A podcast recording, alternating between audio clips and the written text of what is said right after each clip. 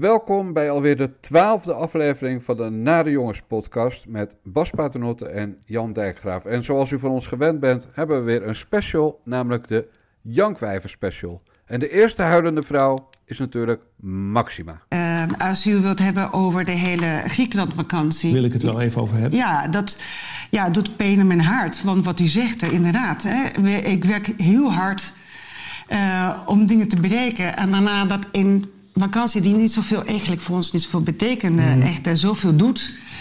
Uh, ja, dat, dat doet me pijn. Ja. Ehm, ik denk niet dat wij, wij juist misschien meer de reden om nog meer te focussen op ons werk. Ja, ja, toch even over Griekenland. Want dat is toch wel het moment vorig jaar geweest waarin heel veel Nederlanders dachten: ja, wat gebeurt hier nou? Dat kan toch wat, wat, merkwaardig dat de koninklijke familie naar Griekenland vertrekt.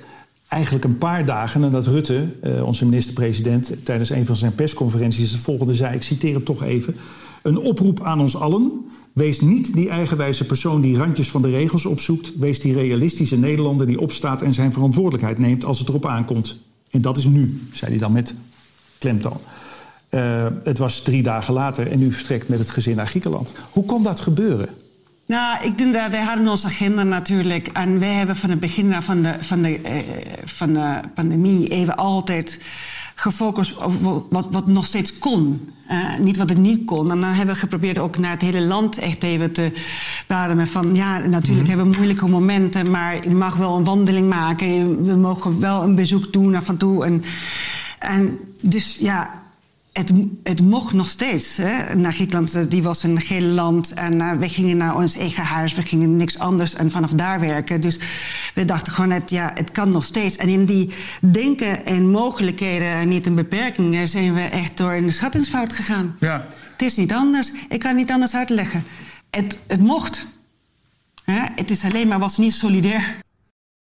Ja, Paternotte, je zat natuurlijk weer in je oranje pyjama voor de buis maandagavond. Ik, uh, ik ben altijd heel erg dubbel uh, in het Koninklijk Huis, uh, zoals je weet. Ik, ik accepteer het instituut. ik, vind het, ik vind het ook wel wat hebben, al die paleizen en toestanden. Maar aan de andere kant ben ik natuurlijk ook een keiharde republikein. En als ik ergens jeuk van krijg, dan is het zo Matthijs van Nieuwkerk, die echt echt in de, in de laatste terminale fase van de Hermelijnenkoorts verkeerde. Wat, wat, wat de fuck was dat? Hij kreeg die speedboot, kreeg je niet eens, eh, kreeg je niet eens goed, eh, goede uitspraken over. Nee, dat durfde hij niet, hè? We moeten even deze drol doorslikken, was het. Maar hij had er helemaal geen zin in. Ja, ja, dit is de invloed die de Oranjes hebben op, uh, op journalisten van, uh, van alle kunnen, van links tot rechts. Uh, dit is volledig afgetikt met de Rijksvoorlichtingsdienst.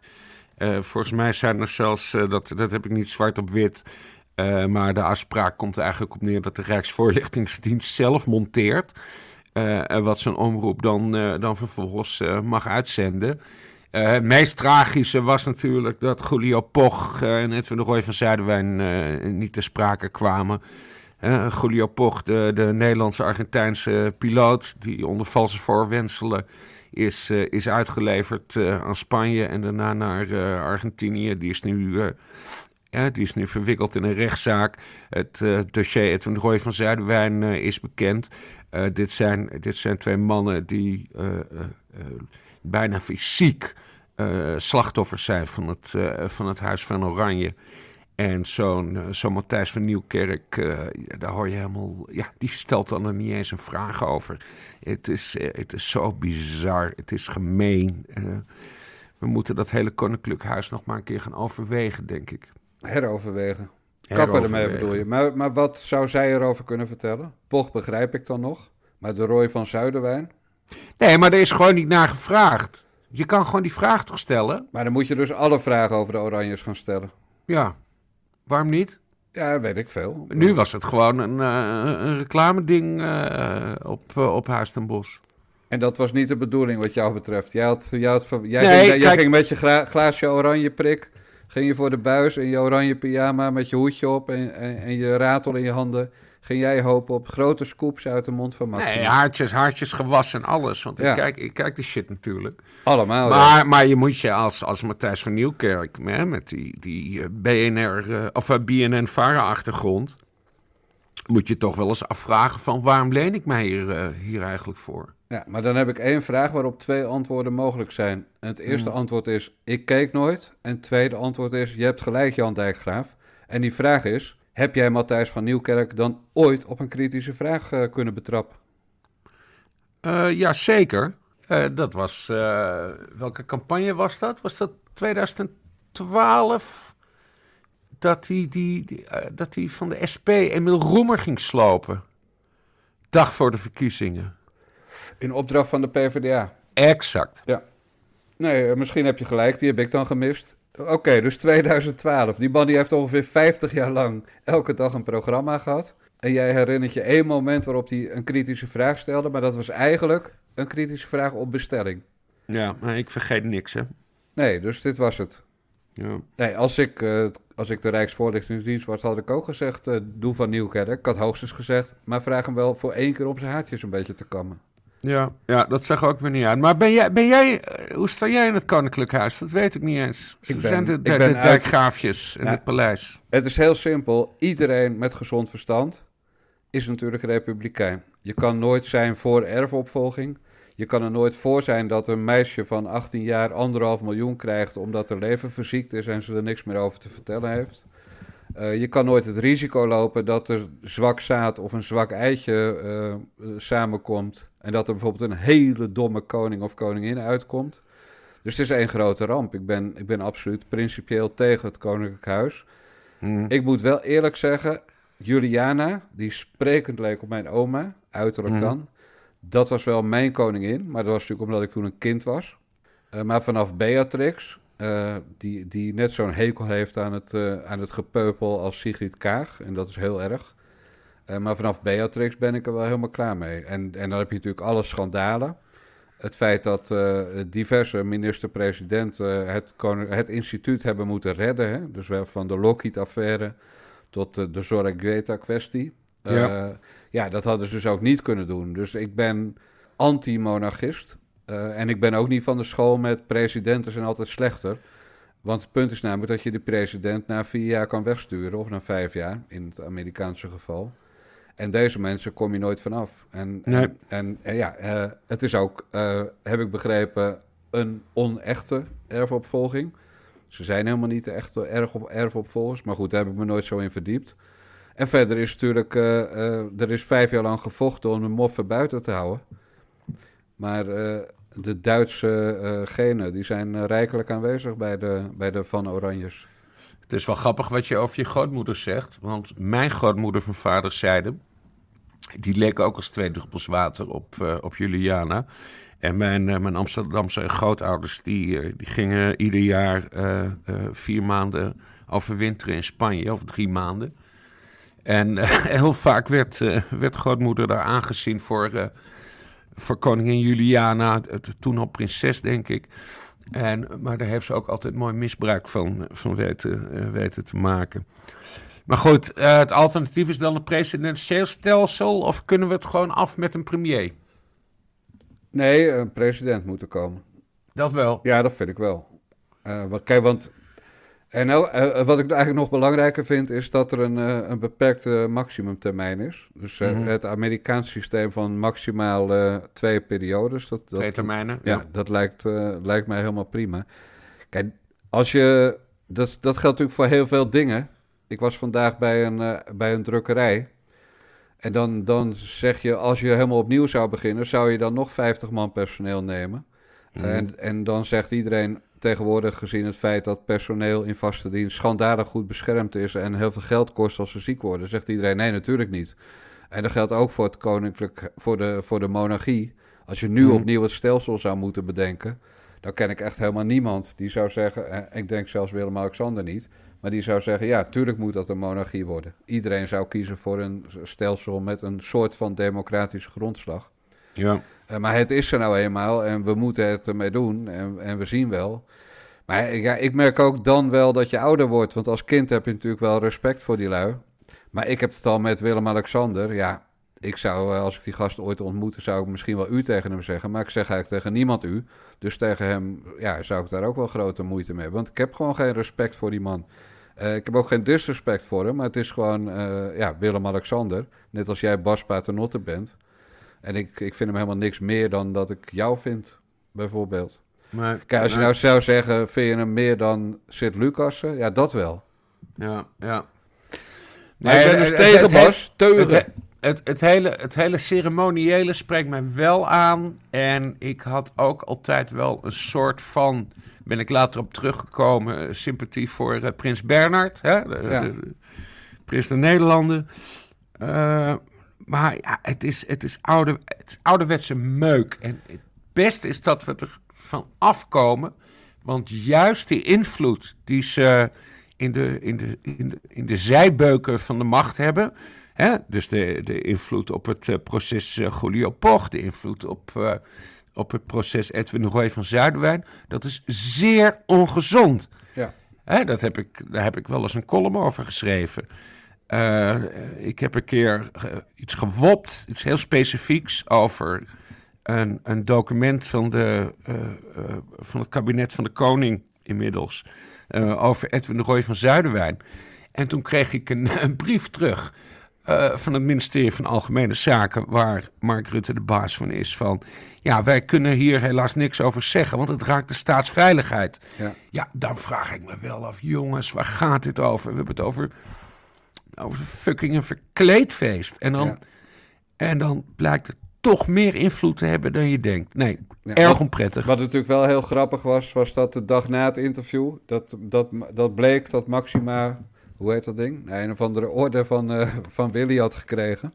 Ja. Uh, uit dank vanwege het feit dat ze 50 was en voor al haar verdiensten voor, uh, voor het Koninklijk Huis. en ik geloof dat Frans Timmermans diezelfde oorkonde heeft gekregen. Dus, dus, wat, voor, dus wat is het waard? Maar ik bedoel, stel je nou toch voor, Bas, dat mevrouw Paternotte 50 wordt. Want, want vrouwen zeggen wij nooit de leeftijd van. Maar stel dat ze 50 moet worden. Hmm. En jij, jij geeft haar geen mooi cadeau. Maar jij, jij, uh, jij print een of andere oorkonde uit je matrix printer. Waarin je haar bedankt voor het feit dat ze 50 is. En dat ze zoveel in jullie huis heeft gedaan. Ja. ja gênanter wordt het niet, denk ik. Dus dat, dat was wel een soort lachertje. Uh, ik, kreeg, ik kreeg vanmorgen uh, dat persbericht van het paleis. En ze noemde het in eerste instantie een erekruis. En daarna kwam er een rectificatie, want het is het hoofdkruis of zo. Dus dat was ook wel weer heel bizar. Dat ja. het paleis zijn eigen persberichten niet op orde heeft. Heel, ja, terwijl je toch, hij is op 6 mei al getekend. Dus die Willy, die heeft, die heeft echt gewoon 11 dagen moeten wachten. Zijn bek moeten houden, omdat hij een geweldige verrassing voor Maxima had. Dat is namelijk, je, je krijgt een oorkonde. Uh, ja, dat is van een kneuterigheid en een kinderachtigheid waar de honden gewoon geen brood van lusten. Ja. ja. en ook, ze zijn ook niet zo dat ze dan Matthijs van Nieuwkerk nog de eer geven. Net als vroeger dat je in zo'n programma een gouden plaat kreeg. Uh, dat ze hem dat ding uh, gisteren had laten kijken. dat had geweldig geweest. Ja, ja Majesteit, ik heb nog een verrassing voor u. ja. En nog geen gouden plaat, maar gewoon zo'n A4-lijstje in goud met, een, met een oorkonde erin... omdat ze zo goed uh, het tafelzilver heeft gepoetst. Dat had nog leuk geweest, maar joh, dit is al... Nee, weet je, we zouden eigenlijk gewoon moeten kappen met die zooi.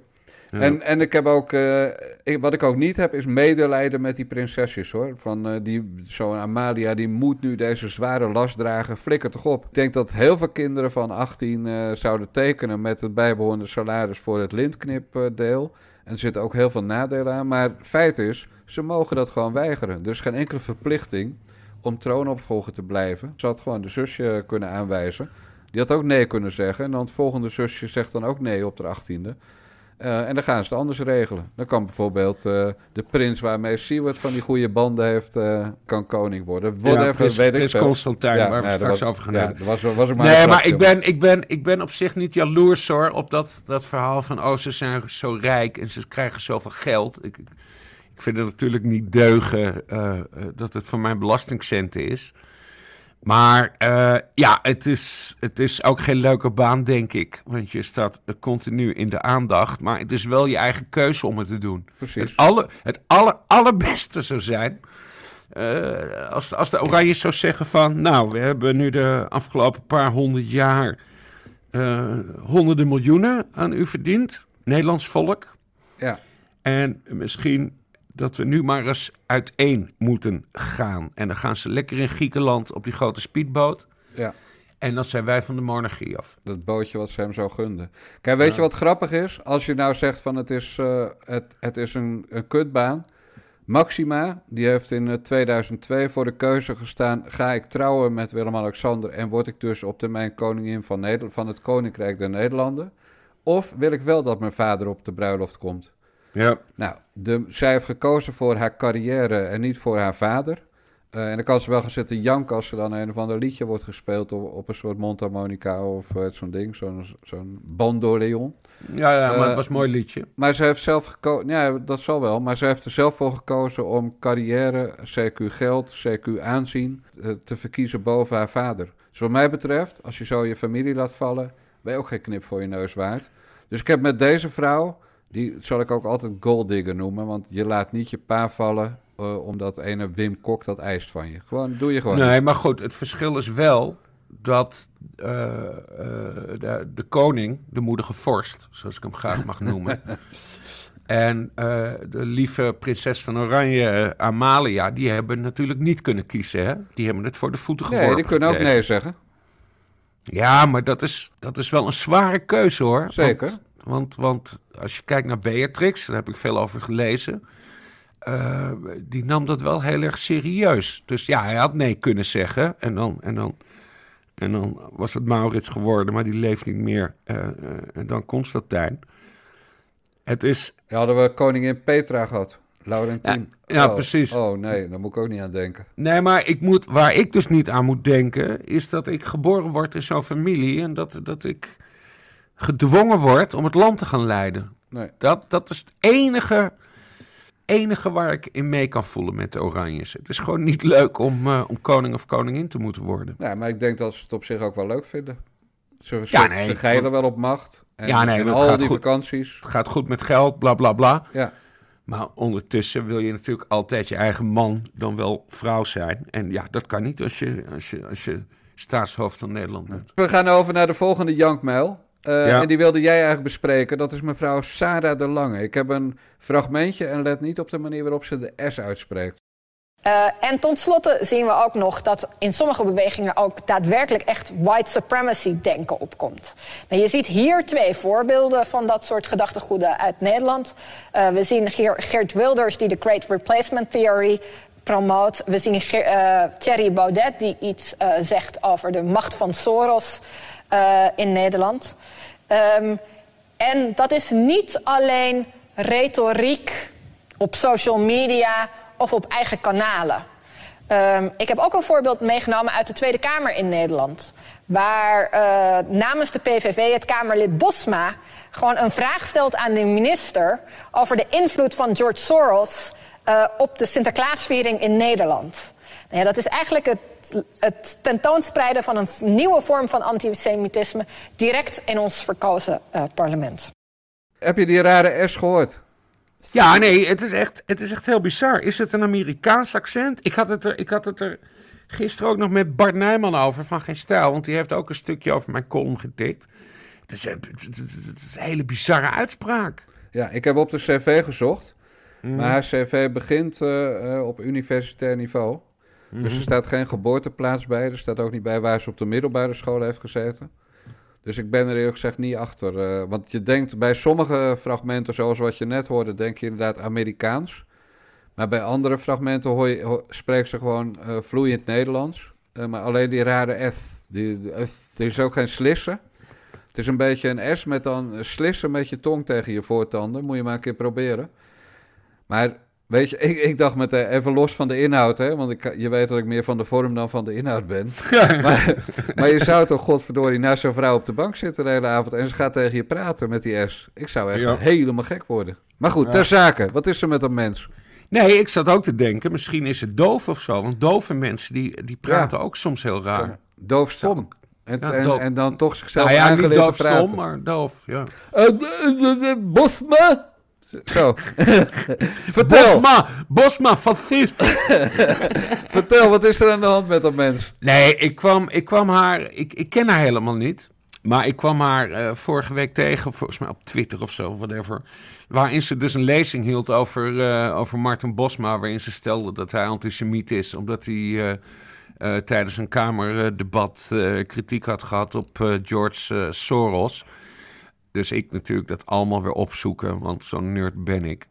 Ehm, waar het om ging, had geen Kamervragen gesteld, maar had een motie ingediend van in hoeverre is George Soros betrokken bij de anti-Zwarte Pieten uh, uh, vereniging, wat een hele gelegitimeerde vraag was omdat George Soros zich vaker met de Nederlandse politiek heeft bemoeid. Ja.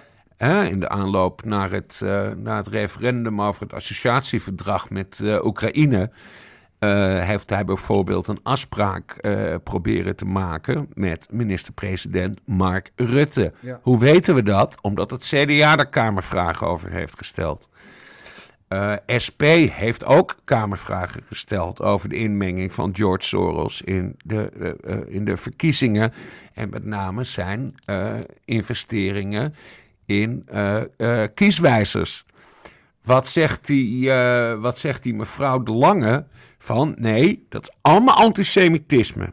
Ja. Je mag elke vraag over George Soros is antisemitisme. Nog wat even, even tussendoor, Bas.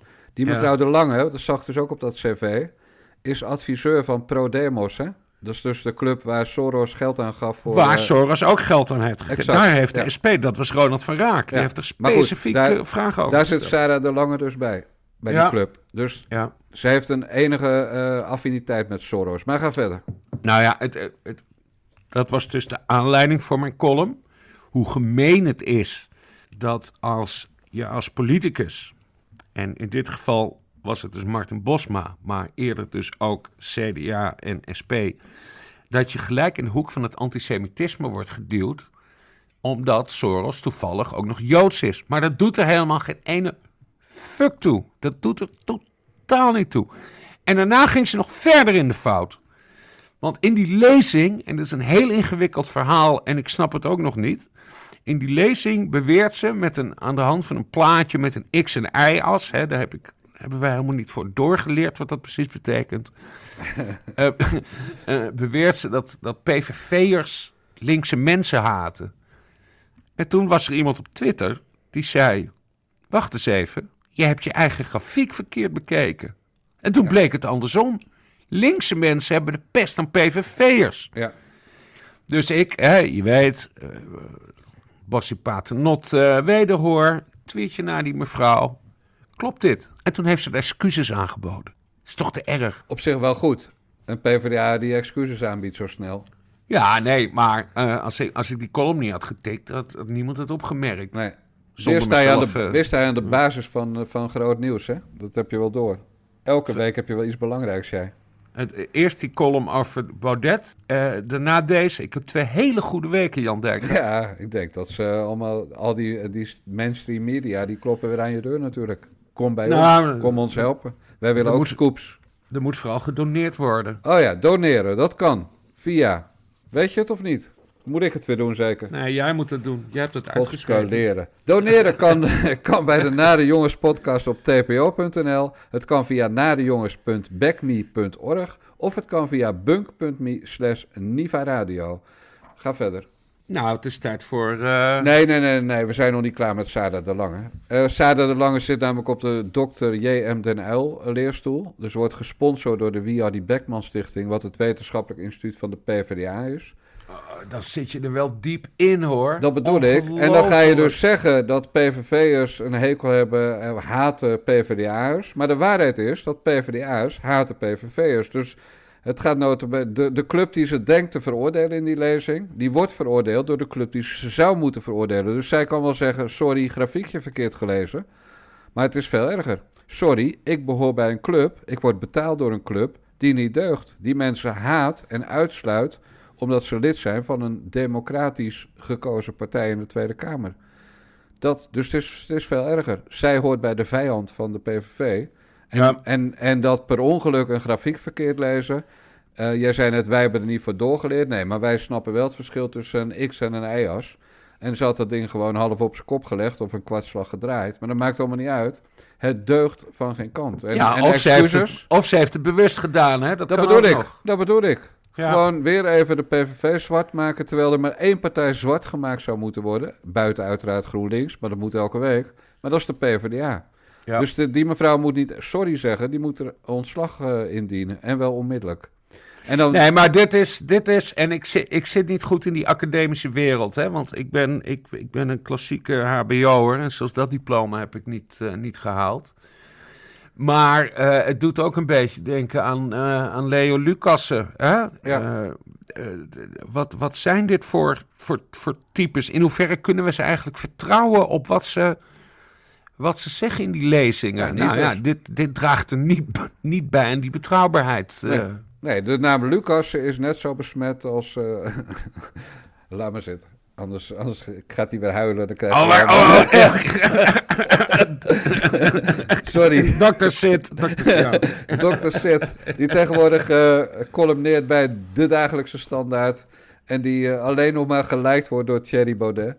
Eh, maar daar hebben we het later even over. Kijk, jij hebt dus eh, genoeg van Sarah de Lange. En ik ben het helemaal met je eens. En weet je van wie ik genoeg heb? Van deze gast. Eh, verdien je er ook aan? Kan er? Nee, nee, nee, het is een stichting, eh, dus dat, eh, dat hebben we al om even uit de stichting ook laten Ik heb betalen. wel nu een beetje, zeg maar, eh, dat ik denk, van, we hebben nu echt maanden om niet gedaan. En, eh, ehm, Want het is nu ook voorzien, toch? ja, in Nederland is het klaar, maar we hadden bijvoorbeeld vanmiddag hadden Suriname aan de lijn, de overheid daar, die moet nog geholpen worden. Wel, Ik had Denemarken aan de lijn. Eh, de Verenigde Staten, zolang Trump daar zit, is er nog steeds business te doen, want die corona, Ja, die er lekker voort. wordt. Maar dan noem je toch wel Eh, business. En dan, dan hoop ik wel dat ik daar nog in het buitenland eh, iets kan, eh, kan doen. Maar ja, ik heb het in Nederland helemaal echt om niet eh, gedaan voor al die zorginstellingen. Omdat ik gewoon dacht, nou, dat is dan ons steentje dat we kunnen bijdragen. En daar ben ik ook best wel trots op. Kijk Bas, dit was dus eh Siewert van Liende die bij eh Corona Café van Geen Stijl... waar Bart Nijman en, eh, en Tom, eh, Tom Staal mensen interviewen... maar waar Siewert van Liende heel duidelijk zei dat hij om niet die mondkapjes... eh, dat al dat mondkapjeswerk had gedaan. En hij zei ook, maar dat hebben we nu een aantal maanden gedaan... en we zijn nu weer gebeld door het buitenland, door Suriname, door Denemarken... en daar hopen we wel wat business uit te halen. Hij gebruikte ook het woord business... Eh, hij zei niet, wij hebben alle mondkapjes in Nederland gratis of zonder winstoogmerk geleverd. Hij zei, we hebben de mondkapjes aan de zorgmedewerkers om niet geleverd. Dus feitelijk heeft hij ook daar niet gelogen waarschijnlijk, want hij heeft inderdaad gratis aan zorgmedewerkers geleverd, maar een percentage gepakt van de 100,8 miljoen eh, die geleverd is aan het, aan het inkoopcentrum van het ministerie. Maar waar het om gaat, wat mij betreft, als Siewert van Liende 100 miljoen verdient aan corona, zal mij dat... Nee, absoluut- omzet. 100 nee, maar, miljoen maar omzet. als, als die 100 miljoen zou verdienen aan corona, zeg ik, goed gedaan jongen, gefeliciteerd. Mag van mij. Ik ben hartstikke voor geld verdienen. Ben ook hartstikke voor donaties via de nieuwe de Nare Jongens podcast op tpo.nl, narejongens.backme.org of via bunk.me slash Niva Radio. Daar heb ik niks tegen. Maar waar ik wel wat tegen heb, is dat Siewert zichzelf steeds heeft voorgedaan als weldoener, filantroop, die alles om niet deed, die zijn spaargeld er doorheen zat te jagen, die zijn baan had opgezegd omdat hij dan het land kon redden. Eh, en die ook vol bleef, hou- bleef houden dat hij dat deed. En daardoor kwam hij ook makkelijker binnen bij het ministerie dan iemand die zegt: Wij zijn bedrijf X, Y, Z. We, hebben, we zijn al drie keer geflopt en drie keer failliet gegaan met een, eh, maatkledinghandeltje en een handeltje in dit en een handeltje in dat. Hè, wat een van die twee makkers van hem heeft gedaan. Dus hij heeft misbruik gemaakt van het beeld dat bestond dat hij een filantroop was. Daardoor zat hij ook aan al die talkshowtafels. En dat is het enige wat ik die klootzak verwijt. Hij loopt zich nu al dagenlang te verweren met allemaal ruis op de lijn. Over, de, over of die dingen giftig waren. Hoe het nou, dat hij geheimhoudingsverklaringen heeft, weet ik het al. Maar hij moet alleen maar zeggen: Jongens, toen ik zei dat ik het allemaal om niet heb gedaan, heb ik een beetje gejokt. Ik was een beetje een leugenaar. En ik heb inderdaad, nou laten we even zeggen, 4, 5 miljoen overgehouden aan die deal. Met mijn eigen op mijn eigen BV'tje gezet. En ik hoef de rest van mijn leven niet meer te werken. En jammer voor jullie, maar ik ga dat geld natuurlijk wel houden, want ik heb met de pleuris gewerkt. Dat moet hij doen. En dat doet die lul niet. Dus daarom, het is jouw ontdekking. Jij kwam in de, met een kinderwagen met dat ventje erin de HP de tijdredactie oplopen. Maar daarom heb ik, ben ik echt helemaal klaar met Siewert. Wat mij dan ook weer verweten wordt, want ik moet blijkbaar solidair met hem zijn. Maar dat ben ik helemaal niet. Het is een smerige politicus die, nog al, die nu al drie, vier dagen loopt te draaien... omdat hij niet wil toegeven dat hij centjes heeft verdiend aan zijn deal. Nou, dan ben je gewoon een weggooier wat mij betreft. Nu mag Nou ja, jij. daar, daar, daar worstel ik dus mee. Hè? Wa- Wat je zegt, eh, wij kennen Siewert al, eh, al ruim ti- tien jaar. Eh, hij was samen met mij spread buddy, noemden we dat. Hè? Een spread is twee pagina's in een eh, dode boom. En ik schreef daar eh, Haagse Post over Den Haag. En op de rechterpagina had Siewert een eh, column. Dat is trouwens grappig. Ik heb die rubriek overgenomen van Joost Niemuller. Eh doet eigenlijk totaal niet ter zake, maar ik blijf dat geestig vinden. Eh, ik, ik, sta er, ik sta er dubbel in, omdat ik Siewert dus eh, heel goed ken uit die periode. En het is geen slecht mens. Het is niet een, een. Ik heb hem nooit kunnen betrappen op iets achterbaks. Hè? Want je zegt hij is politicus. Hij is helemaal geen politicus. Ja, geworden, ja. Hij, is, eh, ja, hij heeft meegeschreven aan het. Nee, ik bedoel in zijn gedrag. Hij, hij gedraagt Het is een Rutteaans wat hij aan het doen is. Ja, Tijd, winnen. Zand in de ogen strooien met allemaal, met allemaal zijpaden. Maar de hamvraag, de enige hamvraag die iedereen boeit, die ge- daar geeft hij geen antwoord op. Nee, en dat is van: heb je er nou wel of niet aan verdiend? Precies. En dat heb ik ook tegen hem gezegd, want ik heb natuurlijk contact met hem gehad. Ik zeg van, eh, vriend, goede vriend, spread buddy. eh, je, je kan dit alleen maar winnen met full disclosure. Heeft hij nog steeds niet gedaan. Hij geeft er ook redenen voor aan. Hij kan niet full disclosure geven omdat er afspraken zijn met het ministerie. Eh, waardoor eh, Hugo de Jonge opeens in beeld komt. Maar goed, ander verhaal. Ik, ik laat mijn ik laat mijn jonge vriend, ook al is hij ook al in de dertig inmiddels, maar wij kenden hem nog toen hij drie was. Eh, ik laat mijn jonge vriend voorlopig nog niet vallen. We moeten ook niet vergeten wie dit artikel hebben getikt. Eh, Tom Kreling, niet onaardig journalist. Eh, maar ook Frank Hendricks. En eh, Frank Hendricks, dat is een voedsoldaat van de macht. Heb ik persoonlijk mogen ondervinden. Ik weet niet of jij dit weet. En het is, eigenlijk is het allemaal niet heel belangrijk. Maar We maken het belangrijk. nou ja, de, de details zijn toch belangrijk. Ik heb in 2013 eh, ben ik een, heb ik geprobeerd een soort eh, debatcentrum in Utrecht eh, op te zetten. Hè? Dat, Ja. dat heb je in, in Amsterdam, de Bali. En wij probeerden het eh, in Utrecht. En de eerste gast eh, was toen eh, Alexander Pechtold, de toenmalig D66-leider. Eh, over Pechtold ging in die tijd een, eh, een geruchtenronde dat hij burgemeester van Utrecht wilde worden. Die Frank Hendricks, die dit verhaal over Siewert heeft getikt, heeft daarna tijdens een bijeenkomst in de Bali, het, is één groot kringetje, eh, tijdens een bijeenkomst in de Bali van de politieke junkies. eh, dat, dat, dat was een, eh, ja, een maandelijkse bijeenkomst van parlementaire verslaggevers en politici. En het was best wel leuk, want ik ben ook wel eens geweest. gezegd, die Bas Paternotte heeft het gerucht verspreid dat Alexander Pechtold burgemeester van Utrecht wilde worden om reclame te maken voor zijn debatcentrum. Wat totaal onzin was. Het was totaal onzin. Hij heeft zich laten bespelen door Alexander Pechtold. Hij heeft mijn journalistieke naam door het slijk proberen te halen.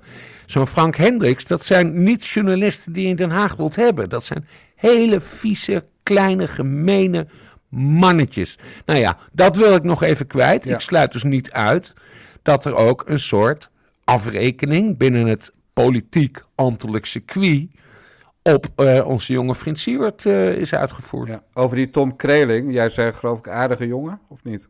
Zei je dat nou? Ja, hij heeft goede onderzoeken gedaan, maar Ja. dat heb ik niet direct voor de Nee. geest. Maar Nou, jij hebt volgens mij er nog wel wat dirt over, of wat? Eh, ja, want Tom Kreling, dat is degene die toen Wiert Duk ooit een, een Tsje- Tsjetsjeense bron had, een, een ex-moslima, eh, voor een verhaal. Toen heeft Tom Kreling samen met Robert van den Noorda, heet hij zo? Ja, oh, van de Noorda. Dat Ja, die, die twee fout hebben- nieuws. met die- Heel fout nieuws. Die twee hebben toen samen bij die ex-moslima aangebeld. eh, en haar daarmee volgens Wierduk, hè, zeg ik er maar bij, want ik, eh, ik was zelf niet aanwezig. Maar volgens Wierduk misschien zelfs in levensgevaar gebracht.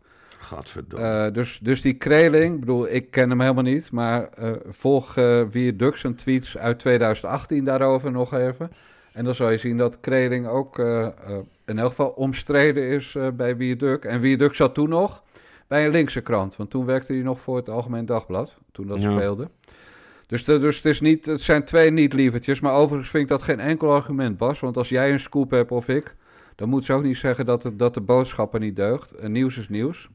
En, het, en wat ik tegen Siewert of- en over Siewert, Siewert blijf zeggen, hij veroorzaakt al nu al dagen ruis. En de enige, ik heb de indruk dat er meer mensen zijn bij wie het alleen maar gaat om, was het nou om niet of hebben je zakken gevuld? En de rest, dat, of, of je nou eh, de goede sticker van het goede bedrijf had. En, en dat maakt allemaal helemaal niks uit. En de kostprijs zal ook wel kloppen toen. Het was een open calculatie met risicotoeslag. Maar je moet gewoon eerlijk zijn over heb je je zakken gevuld of heb je je zakken niet gevuld. En uit het feit Ja. dat hij nu al vier dagen geen nee zegt. Nou, mag je toch wel concluderen. Als iemand aan mij vraagt, heb je je zakken gevuld met het boek van Martien Meiland, wat nog steeds te koop is via het boek van Martien.nl. Dan zeg ik, ja, daar heb ik best wel veel geld aan verdiend. En daar schaam ik me ook helemaal niet voor. Maar weet je hoe dat komt? Omdat ik nooit heb lopen roepen. Nou, dat boek van Martien Meiland, dat schrijf ik om niet hoor. Dat doe ik voor het land. Jan Dijkgraaf die iets om niets zou doen, zou sowieso te grappig verwoord zijn. Ja, maar dat geldt dus voor, dat geldt dus voor Siewert van Liende ook. En, en dat hij daar niet transparant over is, dat is het enige wat ik dat ventje verwijt. Want dat betekent namelijk dat je hem nooit meer kunt vertrouwen. En dat is natuurlijk waar het om gaat. Als iemand zegt, ik ben Florence Nightingale, maar ondertussen zegt ze, maar ik moet wel een tientje voor elke pil die ik je geef, Ja. dan kan je er gewoon niet vertrouwen. En Siewert is onbetrouwbaar tot het tegendeel bewezen is voor mij. En voor jou is het blijkbaar net andersom. Nou ja, ik kijk dus één stap verder en dat is dat ik denk dat er ook iets in die ambtelijke Haagse wereld eh, is gebeurd en dat, dat mensen met, eh met Siewert willen afrekenen. Ja, ook. ook. Want hij is En, natuurlijk, hij, eh, ze zeggen nu, dat is ook het mooie. Ze zeggen nu, hij heeft een deeltje met Hugo de Jonge. Maar de waarheid is, Hugo de Jonge ging niet over dat inkoopcentrum. Daar ging Martin van Rijn over. En nu dus, Ja. dus in elk geval toen. Dus, dus er was een PvdA-minister die daarover ging. En bovendien, Siewert zat in het verkiezingsprogramma clubje van het CDA. Niet met Hugo de Jonge. Die was toen helemaal nog niet eh, de lijsttrekker. Die was hoogstens de beoogde lijsttrekker. Nee, maar wel met Pieter Omtzigt. En Siewert Ja. is eerder team Pieter Omtzigt... dan dat hij team, eh, eh, team Hugo de Jonge is. En ik vind eigenlijk maar één ding voor Siewert pleiten... en dat heb ik ook van de week in mijn briefje van Jan geschreven... De hyena-achtige tweets van Jan Driessen, die vieze, vuile, smerige glibber van de VVD, die elk jaar met Koningsdag met Fritsie Hu- Hufnagel en Markie Rutte en Die op ging, die ging ook partijen aanschrijven. Hè? Precies, ja, die, ja, de ja. PvdA en GroenLinks moesten, ja, die moesten echt kamervragen gaan stellen. Dat, eh, het zou me zeer verbazen als dat niet gebeurt. Nou, die rat, die smerige hond, die vieze, vuile gluipert, die nog met Yasser Arafat, eh, eh, zijn hand om de schouder van Yasser Arafat op de foto ging. Toen hij- Stond, stond deze week op Twitter, hè, met, met zijn hand erop, de hand eromheen ook. Ja, ik ja. Was, stel je voor, ik heb Yasser Arafat nooit ontmoet. En eh, als ik met hem op de foto had gekund, had ik die foto absoluut ook laten maken. Want het is gewoon hartstikke leuk om te bewaren. Tuurlijk. Maar, maar niet met je arm om die fucking Palestijnse terrorist heen. Wat is dat, jongens? Ja, nee, en hij ging het dus ook voor Sigrid Kaag opnemen eh, deze week. Dus hij is vol, eh, vol, vol gas op CDA's aan het, eh, aan het geven. En dat, dat die rat zich ermee bemoeit en er bovenop springt, nou, dat nam me dan weer in voor Siewert. Want als Jan Dries tegen iemand is, ben ik voor iemand. En, en wa- waarom? Ook heel simpel. Ik kan niet tegen mannen die vrouwen slaan. En Jan Driessen blijft desnoods tot de dag van vandaag beweren dat Camille Eurlings geen vrouwenmapper is, omdat hij niet is veroordeeld. Nou, dat klopt, want hij heeft een dealtje met het OM gesloten.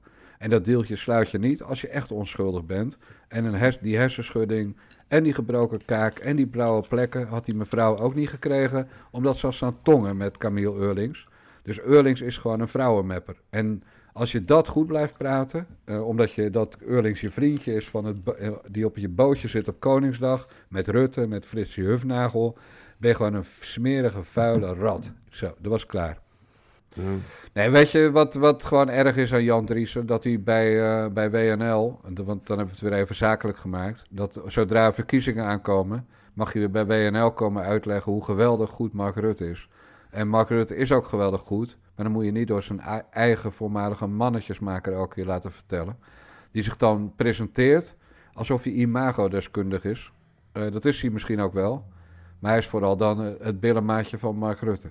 De man van de boot. Ja, nee, eh, maar daarom. Hij heeft het oor van de minister-president. Ja, Hij heeft het oor van de minister-president. En, dan- en, dan- en, dan- en dan komt hij met een fucking foto met, met Yasser Arafat. Innig omarmd. Ja. Nee, ik trek dat heel slecht. Kijk, het, het had ook kunnen zijn dat die rechterarm ergens anders had gezeten. Tijd voor het volgende onderwerp. Ja, want laten we eerlijk zijn, Jan Driessen is eigenlijk gewoon klein bier. En zien we het ook, als je kijkt wat er afgelopen weekend verder in Europa is gebeurd. Van Londen tot Parijs, tot Brussel, tot Amsterdam. En we hebben een fragmentje uit Londen. Fuck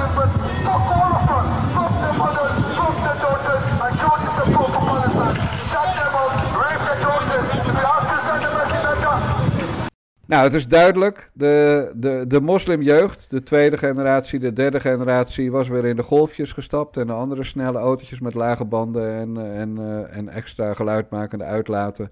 Palestijnse vlaggen, Turkse vlaggen, noem al die vlaggen maar op. Lekker de straat op met z'n allen. Het mag, lekker dicht bij elkaar. Dus die, ze zongen dood aan de Joden. En in het geval van Londen zongen ze, eh, ja, neuk eh, de vrouwen, neuk de dochters van, Ja. de, van de Joden. Dus het is weer, eh, eh, het is weer Jodenjacht in, eh, in West-Europa. ja, Heb jij daar politici over gehoord? nee, maar even. even we, we begeven ons nu op. op ehm, eh, wat is de uitspraak? Drijvend ijs? Nee, glad ijs. Glad ijs. Kijk. Israël, kijk, Israël is, is een van de meest gepolitiseerde onderwerpen ever. Jij weet mijn achtergrond. Ik ben een groot vriend van Israël. Eh, je moet er heel erg mee oppassen wat je daarmee zegt. Ik heb voor het eerst in lange tijd stevig punt van kritiek geuit op Israël trouwens. En eh, dat was dat eh, bombardement van die mediatoren waar Al Jazeera en Associated Press in zaten. De IDF, eh, Israel Defense Force, kondigde aan dat ze het zouden bombarderen. Alle journalisten kregen een uur de tijd om eh, die toren te verlaten. En daarna hebben ze hem met de grond gelijk gemaakt. Mede omdat er een, eh, een vermoeden bestond eh, dat er een, een, een basis van Hamas in zat.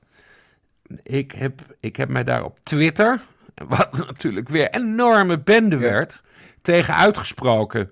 Waardoor ik opeens als, als linkse jodenhater eh, eh, bekend stond. Terwijl wij vroeger bij Metro en HP De Tijd ingezonde brieven kregen.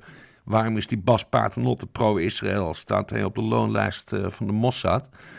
Ik vond het buitengemeen dom dat Israël die toren omlaag heeft gehaald. Ja. Ook al zit Hamas erin, er zit ook een, er zitten in ieder geval twee journalistieke organisaties in, allemaal apparatuur, daar zit een archief in.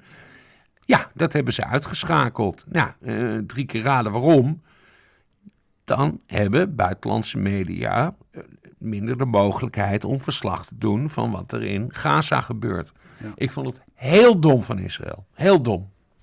Ja, ik ook. En nu?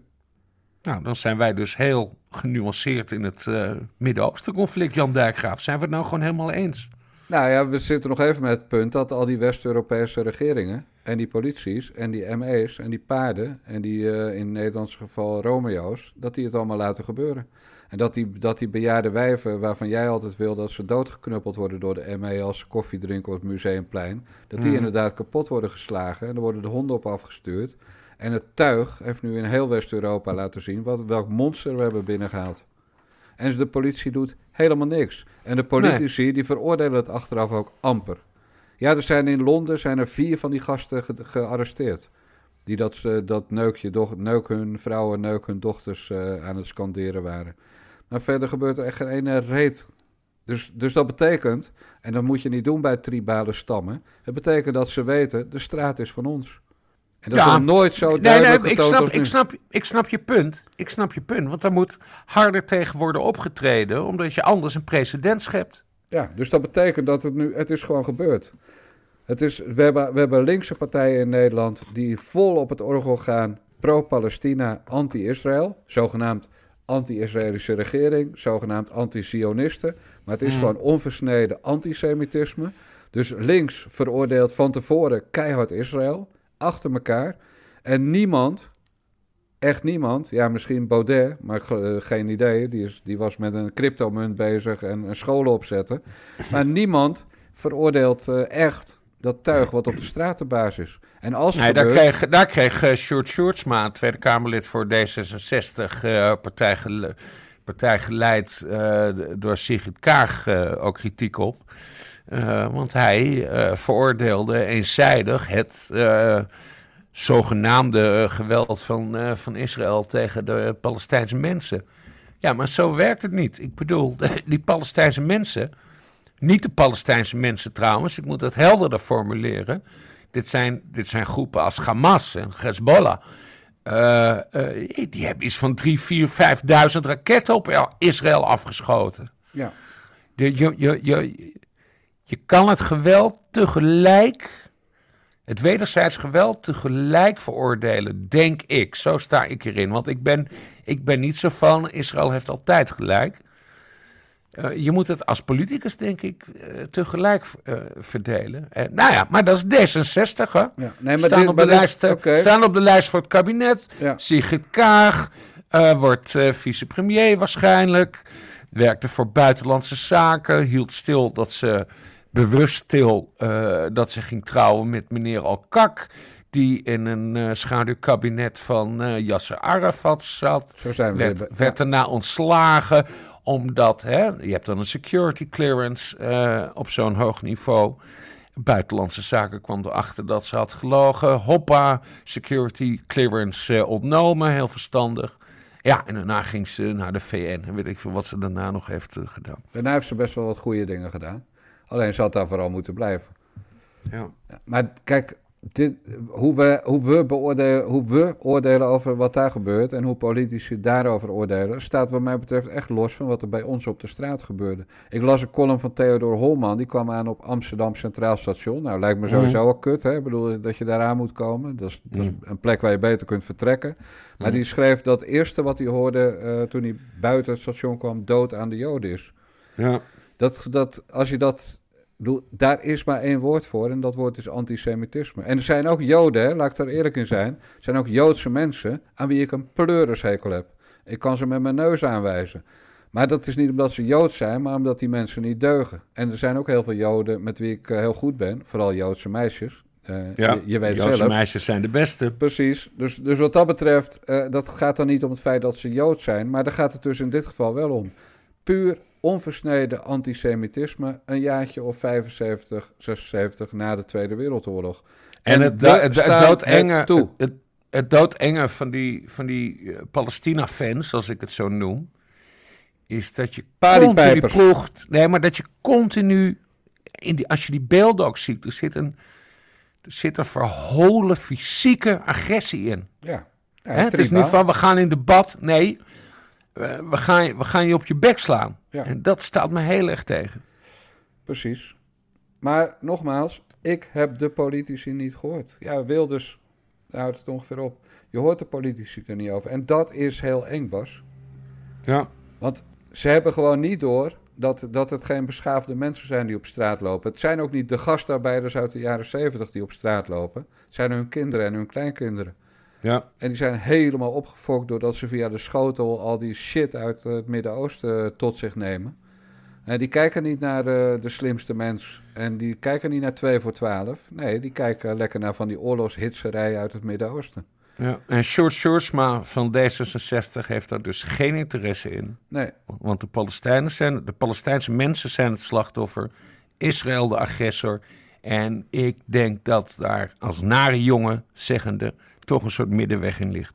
ja, maar als het gaat om de situatie daar, als er op jou geschoten wordt, schiet je terug. Ja. Dat, is, dat is volgens mij, je bent heel dom als je dat niet doet. En zeker tegen van die lui die nog leven in de middeleeuwen. Want als die weten, hé, ze schieten niet terug, dan is het gewoon met je gebeurd. Ik vind dat, eh, ik vind dat systeem, dat Iron Dome, dat, dat is een soort, eh, hoe heette dat vroeger? De goalkeeper of Ja. Exocet. Ik geloof het wel. Ik ben niet, ik ben niet van de oorlog. Je weet, ik ben een vredelievend mens. Ja, nee, ik ook. Wij, eh, wij zijn soldiers of love. Maar ik vind dat eh, Iron Dome systeem wel heel goed hoor. Want je ziet, er, er komen echt honderden raketten binnen.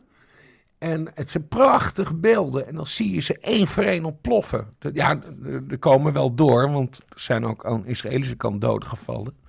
Maar ik vind dat een mooi systeem. Nee, het zal wel. Ik, ik hou, eh, kunnen we nog even afsluiten met iets heel triviaals dan? Ja, laten we dat maar doen. Nou, moet je even luisteren. Ja, ik vind het ook eh, jammer. Ik heb, eh, Het is bijna geen Forum voor Democratie, maar Forum voor Thierry. nou, gelukkig hebben we nog steeds eh, bijna 50.000 leden. We hebben heel veel mensen. We zijn nog steeds een, sterke fractie. En ook eh, de drie mensen die zich af hebben gesplitst van onze Tweede Kamerfractie... blijven het programma uitdragen en onze ideeën enzovoorts. Hè. Dus we gaan gewoon door. Ja. Maar het is inderdaad jammer. En ja, ik, eh, ik, ik betreur hun besluit. Ja, je hebt het gehoord. Slijptol versus Baudet. Eh, hij vroeg aan Baudet hoe erg hij het vond dat Van Haga is vertrokken. En Smulders en, eh, en die bollen over wie het vorige week had. Die coronapatiënt, Ef Efraïm. Olaf Efraim. Ja, eh, en eh, ja, Baudet vond het natuurlijk wel jammer. En la- de, de dag daarna kwam hij nog met... eh, ja, maar dat hele idee van die poster kwam eigenlijk van Wiebren van Haga. Dus kwam er toch nog een schop na. Waar Van Haga weer pislink over werd, omdat dat werd opgeschreven door NRC. Mm. Eh, maar weet je, het was de eerste keer vorige week toen die drie gasten ermee stopten... Dat, dat het een glasplas wasmomentje was in Huizen Dijkgraaf. Het boeit totaal niet meer wat er bij die club gebeurt. Waarom boeit dat dan niet in Ja, het eh, is irrelevant, het is irrelevant geworden. Eh, twee jaar geleden was hij gewoon de grootste partij van Nederland om deze, rond deze tijd, na de provinciale statenverkiezingen. Ja. En nu is hij eh, van 8 naar 5 gegaan en in de peilingen na het vertrek van die gasten zelfs al naar 4. En dan, dan kunnen ze allemaal lulverhalen over we zijn incubator en zo gaan, gaan, gaan vertellen. Maar het is gewoon helemaal over met ze. Thierry Baudet heeft geen eh, medestanders van enige naam en faam meer. Gewoon nul. Nee, Behalve nee. Silvio de Groot. Ja. ja, onze vriend Silvio. Ja. Daar moet de luisteraar maar even eh, onze afleveringen terug luisteren... om te- te weten hoe dat eh, precies zit. Ja. Nee, het is, het is extreem... het is extreem verdrietig. Na de Provinciale Statenverkiezingen had Thierry Baudet eh electoraal het land bij de ballen. Werd de grootste partij van, eh, van, eh, van, eh, van Nederland. Grootste partij in de Senaat. En er is helemaal niks meer van over. En, en ja, en wa- wat zien we nu? Ik ga straks trouwens één positief ding over hem zeggen. maar eerst de, in, eerst de inleiding. Knip ik er wel uit dan. Ja, nee, precies. Dan staat hij dus zondag daar op het, eh, op het Malieveld. En dan komt er een of andere atonale rapper met kutmuziek. Eh, eh, die begint te zingen. Eh, verder waar je naar verwees, dat verhaal dat ze een incubator zouden zijn voor nieuwe partijen. Dat was Ralf Dekker, oud-bankier van de Rabobank. Die dat inderdaad zei van door al onze afsplitsingen hebben we eigenlijk heel veel nieuwe partijen gebouwd. Ja. Ik, ik vond een hele, hele, het is een hele mooie redenatie hoor. Dat, ja. Nee, wat ik wel goed vind aan Baudet. Baudet. En dat heeft hij ook wel met de afgelopen Kamerverkiezingen, of de campagne voor de Kamerverkiezingen in maart eh, bewezen. Eh, hij heeft dus een uitklapbare auto, wat hij een transformer eh, noemt. Eh, en hij gaat gewoon het land in. En eh, hij heeft, ik, heb het, ik heb er niet geteld, maar hij heeft echt 20, 30. vi- Ik heb ze allemaal bekeken, hè, omdat je wil kijken of er nieuws in zit. Maar hij is tijdens de campagne met die uitklapbare auto eh, naar 30 of 40 plaatsen geweest. En daarmee, door je te laten zien, terwijl je zo onder vuur ligt, ja, daar, zo is hij aan die acht zetels gekomen. Dat het daarna weer ontploft is natuurlijk eh, logisch.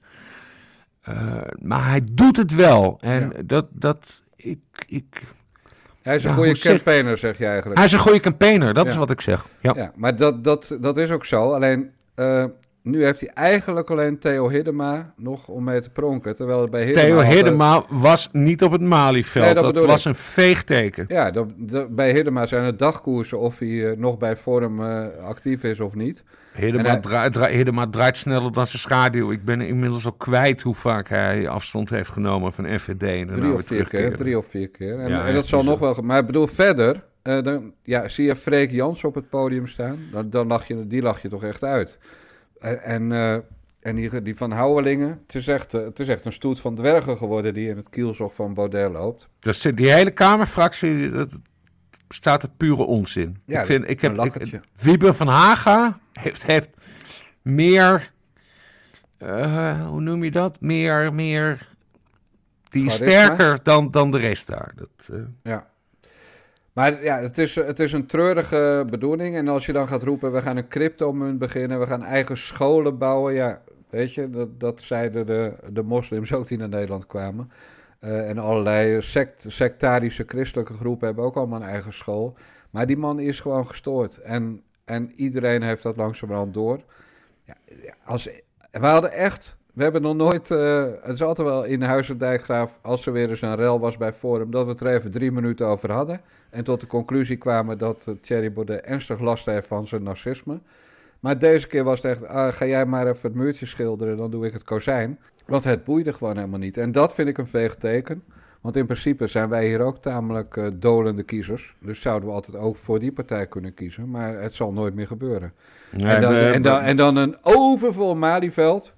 Eh, roepen ze dan in de, in, eh, op Twitter of, of Facebook. ja, vijf, 5000 mensen. ja, en, en dan zijn het er, twee, zijn het er 300. Of is het een beetje de. de Wat de nog steeds he- knap is. Dat, Ja, dat het- is waar ik er net over Ik had. wilde hè. net zeggen, het is nog Hij- het is gele hesjesniveau op de, op de Erasmusbrug één keer. En daarna was het te koud. Dus de- het is niet veel meer hoor. Dus Nee, maar er kwamen toch veel mensen. En dat, dat is dus zijn strategie van het land ingaan. En dat heeft hij ook aangekondigd. Eh, waar we vooral op moeten letten is, gaat Theo Hiddema mee het land in? Ja, want als je dat niet doet, dan is het gewoon echt over. Exact. En verder dan- doet het er helemaal niet toe, want er komen helemaal geen verkiezingen aan of zo. Dus, Ja, ja, ja weet- gemeenteraadsverkiezingen, maar daar gaat hij niet aan meedoen. Nee, maar je Dus, weet, eh, je weet nooit of eh, de Tweede Kamerverkiezingen toch wat sneller komen dan we allemaal denken. En dan, dan staat opeens op twee op zijn lijst eh, professor, meester, dokter Sid Lucassen. De volgende keer. ja, obsessie met de Good Doctor Sid. nou, Ik obsessie. mag hem dus... Dit, we, gaan het, we gaan een keer een aflevering over Sid Nee, nee, maken. nee. Nee, maar ik mag hem graag. Ik heb heel goed contact met hem. Ik Ja. vind zijn stukken crazy, maar het is een ontzettend aardige, lieve vent. Ja, dat zal allemaal wel, maar je gaat toch luisteraars. Je gaat toch, kijk, we zijn net begonnen met die podcast. Dan ga je toch de mensen niet wegjagen door het over Sid Lucassen te hebben in serieuze zin. Sid Lucas is gewoon, is gewoon de eh strateeg achter Thierry Baudet. Zo moet je het ongeveer zien. Nou, die heeft. Nee, Nee, dat overschat zit. Nee joh, dat, dat, dat zo zelf, zelf benoemd, Bas. Ja. Zelf benoemd partijideoloog. Dat was het eh, woord eh, wat ik eigenlijk had moeten gebruiken. Nou, hij werkt nog altijd voor die ECR-club. Dus, eh, nee, daar is hij weg volgens mij. Nee, daar, daar gaat hij weg. Maar dit, nee, dat was maar een geintje. Maar Sid Lucas op, de- op de lijst van... eh, dat is een, een beetje zoiets als Dr. G.J. Mulder. Ik weet niet of die naam je ook wat zegt. Ja, Aardig. daar heb, jij mee, daar heb jij mee gebarbecued, Ja, eh ik, was, je onderbrak me weer. Aardig kerel om een stukje vlees uit Uruguay te eten. Eh, niks mis mee. Sympathieke kerel. Maar ja, die stond dus nummer 45 op de lijst van Forum. En dat is nu ook zo- zo'n trouwe Thierry Vazal. Maar eigenlijk, als je die man in zijn hart kijkt, weet hij wel dat hij met een onzin-expeditie bezig is. Nou, dat, dat is bij professor, meester, dokter anders, dokter, dokter Zit, is dat die, niet die, het geval. die, die Mulder, die, Ja. heeft, eh, die heeft wel eens op Twitter gezet. Dat, dat herinner ik mij nu. Want hij heeft ook contact eh, met PVV-leider eh, Geert Wilders. gezegd dat hij, dat, heeft hij dat, dat was zijn bio op Twitter op een gegeven moment. Potentieel minister in het kabinet Wilders. Ja. nou, dat is geen zelfoverschatting als je dat over jezelf zegt, toch? Nee, dat moet gewoon kunnen. Ja. Ja, dat was trouwens, die barbecue is trouwens wel een keer een, eh, een aflevering waard. Want daar liep raar volk, maar er liepen ook heel veel normale mensen. Ook, Vertel ja. nog even heel kort, want de mensen weten. Nou, er, er was, er hebben. was tot coronatijd één keer per jaar een eh, barbecue ergens op de Veluwe. En die werd eh, de, de rechtse barbecue genoemd. Of de Mm. goedrechtse, weet ik veel. Maar daar kwamen allemaal rechtse mensen. Dus dat waren Mm. v- mensen van Forum, van eh, PVV-huizen. En er kwam ook elke keer wel een journalist. Ik geloof dat zelfs Chris Alberts, eh, jouw grote idool, dat hij er ook wel eens geweest is. Het jaar voor, voordat ik er kwam. Maar ik ben daar dus twee jaar geleden geweest. Mm. En je moest dan heel erg je best doen om niet gefotografeerd te worden met mensen in van die groenachtige, grijsachtige, uniformachtige colbertjes. Met, eh, met allemaal metaal erop. eh, en, en van die jagershoedjes. Kortom, Mhm. er liep ook wat echt voorposttuig en zo rond. Waarmee My je gewoon God. echt niet op de foto wilde. Maar ook leuke mensen, zoals de, de bekende protestzanger Harry... eh, hoe heet hij nou? Uit Rotterdam, Harry... Nee, Harry. Eh, de- die, eh, die zingt echt geweldige liedjes. Bijvoorbeeld over Anne Fleur is zo gek als een deur. Over Anne Fleur Dekker. Ja, ja. Eh, maar maar dat, die bijeenkomst, ja, dat was best wel leuk om één keer bij te zijn. Maar het was ook in de categorie eens, maar nooit weer. Ja. En Thierry Baudet is er natuurlijk wel eens geweest. En Martin Bosma komt er geloof ik elk jaar. En Harm Beertema. Dus het is echt, eh, zeg maar, de droom van extreem links zou zijn om te weten waar het precies is. Zodat ze daar een keer eh antifa-lui op kunnen afsturen. En we een lekkere knokpartij... eh, Harry Pater heet hij trouwens.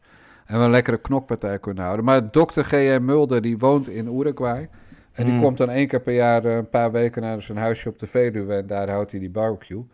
Ja, eh, geinig voor één keer. En daarna eh, nooit meer, wat mij betreft. Ik had de eerste twee jaar gezegd: ik kan niet, ik ben te druk, ik heb griep of weet ik wel, kutsmoes dat ik had.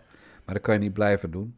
Nee. Maar eh, Chris is er geweest, Albus. Eh, er zijn eh, dokter Sid Lucas heb ik daar voor het eerst ontmoet. Toen kwam hij mij Mhm. vragen of ik alsjeblieft wilde stoppen met die vervelende kutstukjes. Met gemene stukjes tikken. Ja, Ja, en, toen zei, en dan vroeg hij ook in gezelschap van zes anderen, dus ik heb getuigen. En toen zei ik, eh, wat denk je dat ik zei, Bas, toen hij dat vroeg? Nou? Nee, wat denk je? Nee, geen, zeg maar. Nee. ja, en eh, dat vond hij raar. Maar ik bedoel, als iemand aan jou komt vragen, kun je stoppen met die vervelende kutstukjes over mij. Ik bedoel, dat... eh, dus ik ben niet geobsedeerd door zo iemand, maar wel geïntrigeerd. Want hoe raar kan je zijn dat je aan mij gaat vragen of ik wil stoppen met die stukjes over jou. Terwijl Ja. het dan gaat om drie tweets per jaar of zo. Nee, maar ik mag, ik mag Sid Lucas dus heel graag in de persoonlijke omgang. Ja, maar jij bent altijd aardig En- voor mensen en- van die bij TPO zitten of En- zaten. Ja, ja, nee, maar, maar ik heb ook letterlijk tegen hem gezegd... jongen, laat je nou niet uit de tent lokken, dat Dijkgraaf. Waarom? En dan gaat hij ook mij en Bert mailen van... ja, Jan Dijkgraaf heeft een gemeen stuk over mij getekend. ja, fuck, de gast. Ik, ik schrijf ook gemene stukken over mensen. Man up. Bas, Maar dit, goed, dit zei hij eh, niet, hè? Hij wenste mij echt de, de meest gruwelijke dood toe die, eh, die je kon indenken. Dat was wat hij naar jullie mailde. Ja, daar heb je, ja dat is die, die laatste keer. Dat, Ja. Daar was ik ook weinig... eh, weinig eh, Dan ga, je, dan ga je wel enigszins over de grens. Want Ja, maar dat was, dat was, dat was, over, de, dat was over de grens. Ja. Maar een- in de kern, het is een, het is een jongen die hij heeft een, een aparte geest die volgens mij continu aan het werk... Hij, hij kan ook echt duizend stukken per week uitpoepen. ja. Hij is continu aan het nadenken. Ehm, En, eh, ja. Hij schrijft ook heel veel boeken. Ik, ik, ga- ik ga niet zeggen van hij is een autist, want dat weet ik niet. Ik ben, daar ben ik niet voor, eh, voor opgeleid. Maar hij kan gewoon met een permanente gedachtenstroom die hij aan papier wil toevertrouwen. En vergeet daarbij dan dat, ja, dan krijg je soms ook kritiek. Ja. En ik krijg ook kritiek en jij krijgt kritiek. En wij zijn allemaal volwassen mannen en daar gaan we er niet over zeiken. Nee, en weet je wat nou het grappige is? Het is ook Mhm. razend knap om duizend kutstukken per week te schrijven. De, bij normale mensen zou er altijd wel één goed stuk tussen zitten per ongeluk. Nee, maar even zonder dolle. We mogen, en dat, dat is eh, even wel belangrijk, we mogen nooit vergeten welke politieke partij professor, meester, dokter, doctorandus Sid Lucas heeft ontdekt. Hij is namelijk acht jaar lang raadslid geweest van de Volkspartij voor Vrijheid en Democratie in Duiven bij Arnhem. Dus als een partij het fenomeen Sid Lucas heeft voortgebracht, is het niet Forum, is het niet PVV, maar dan is het de VVD van Mark Rutte. Want was ook er, er, is, er is ook een prachtige foto van Mark Rutte in het torentje met een boek van Sid Lucas. Dat bedoel ik. Dus Ja. eigenlijk is het allemaal de schuld van Mark Rutte. Ja. En hier wou ik het graag bij laten, Bas. We gaan afsluiten, Dijkgraaf. Dat doen we. Dit was de twaalfde aflevering van de Na de Jongens podcast van Niva Radio. Onze website is nivaradio.nl. Doneren kan bij de Na de Jongens podcast op tpo.nl. Het kan via nadejongens.backme.org of via bunk.me slash nivaradio. En voor de blonde meisjes, slash betekent schuine streep van linksonder naar rechtsboven. heb je tips? Wil je ons overladen met complimenten? Of heb je gewoon wat te zeiken? Of ben je Sint-Lucassen en ga je nu weer een boze mail naar Bed Brussel sturen? Doe dat niet, want de mails moeten naar redactieassistente Naomi op redactie.nivaradio.nl. Een mazzel!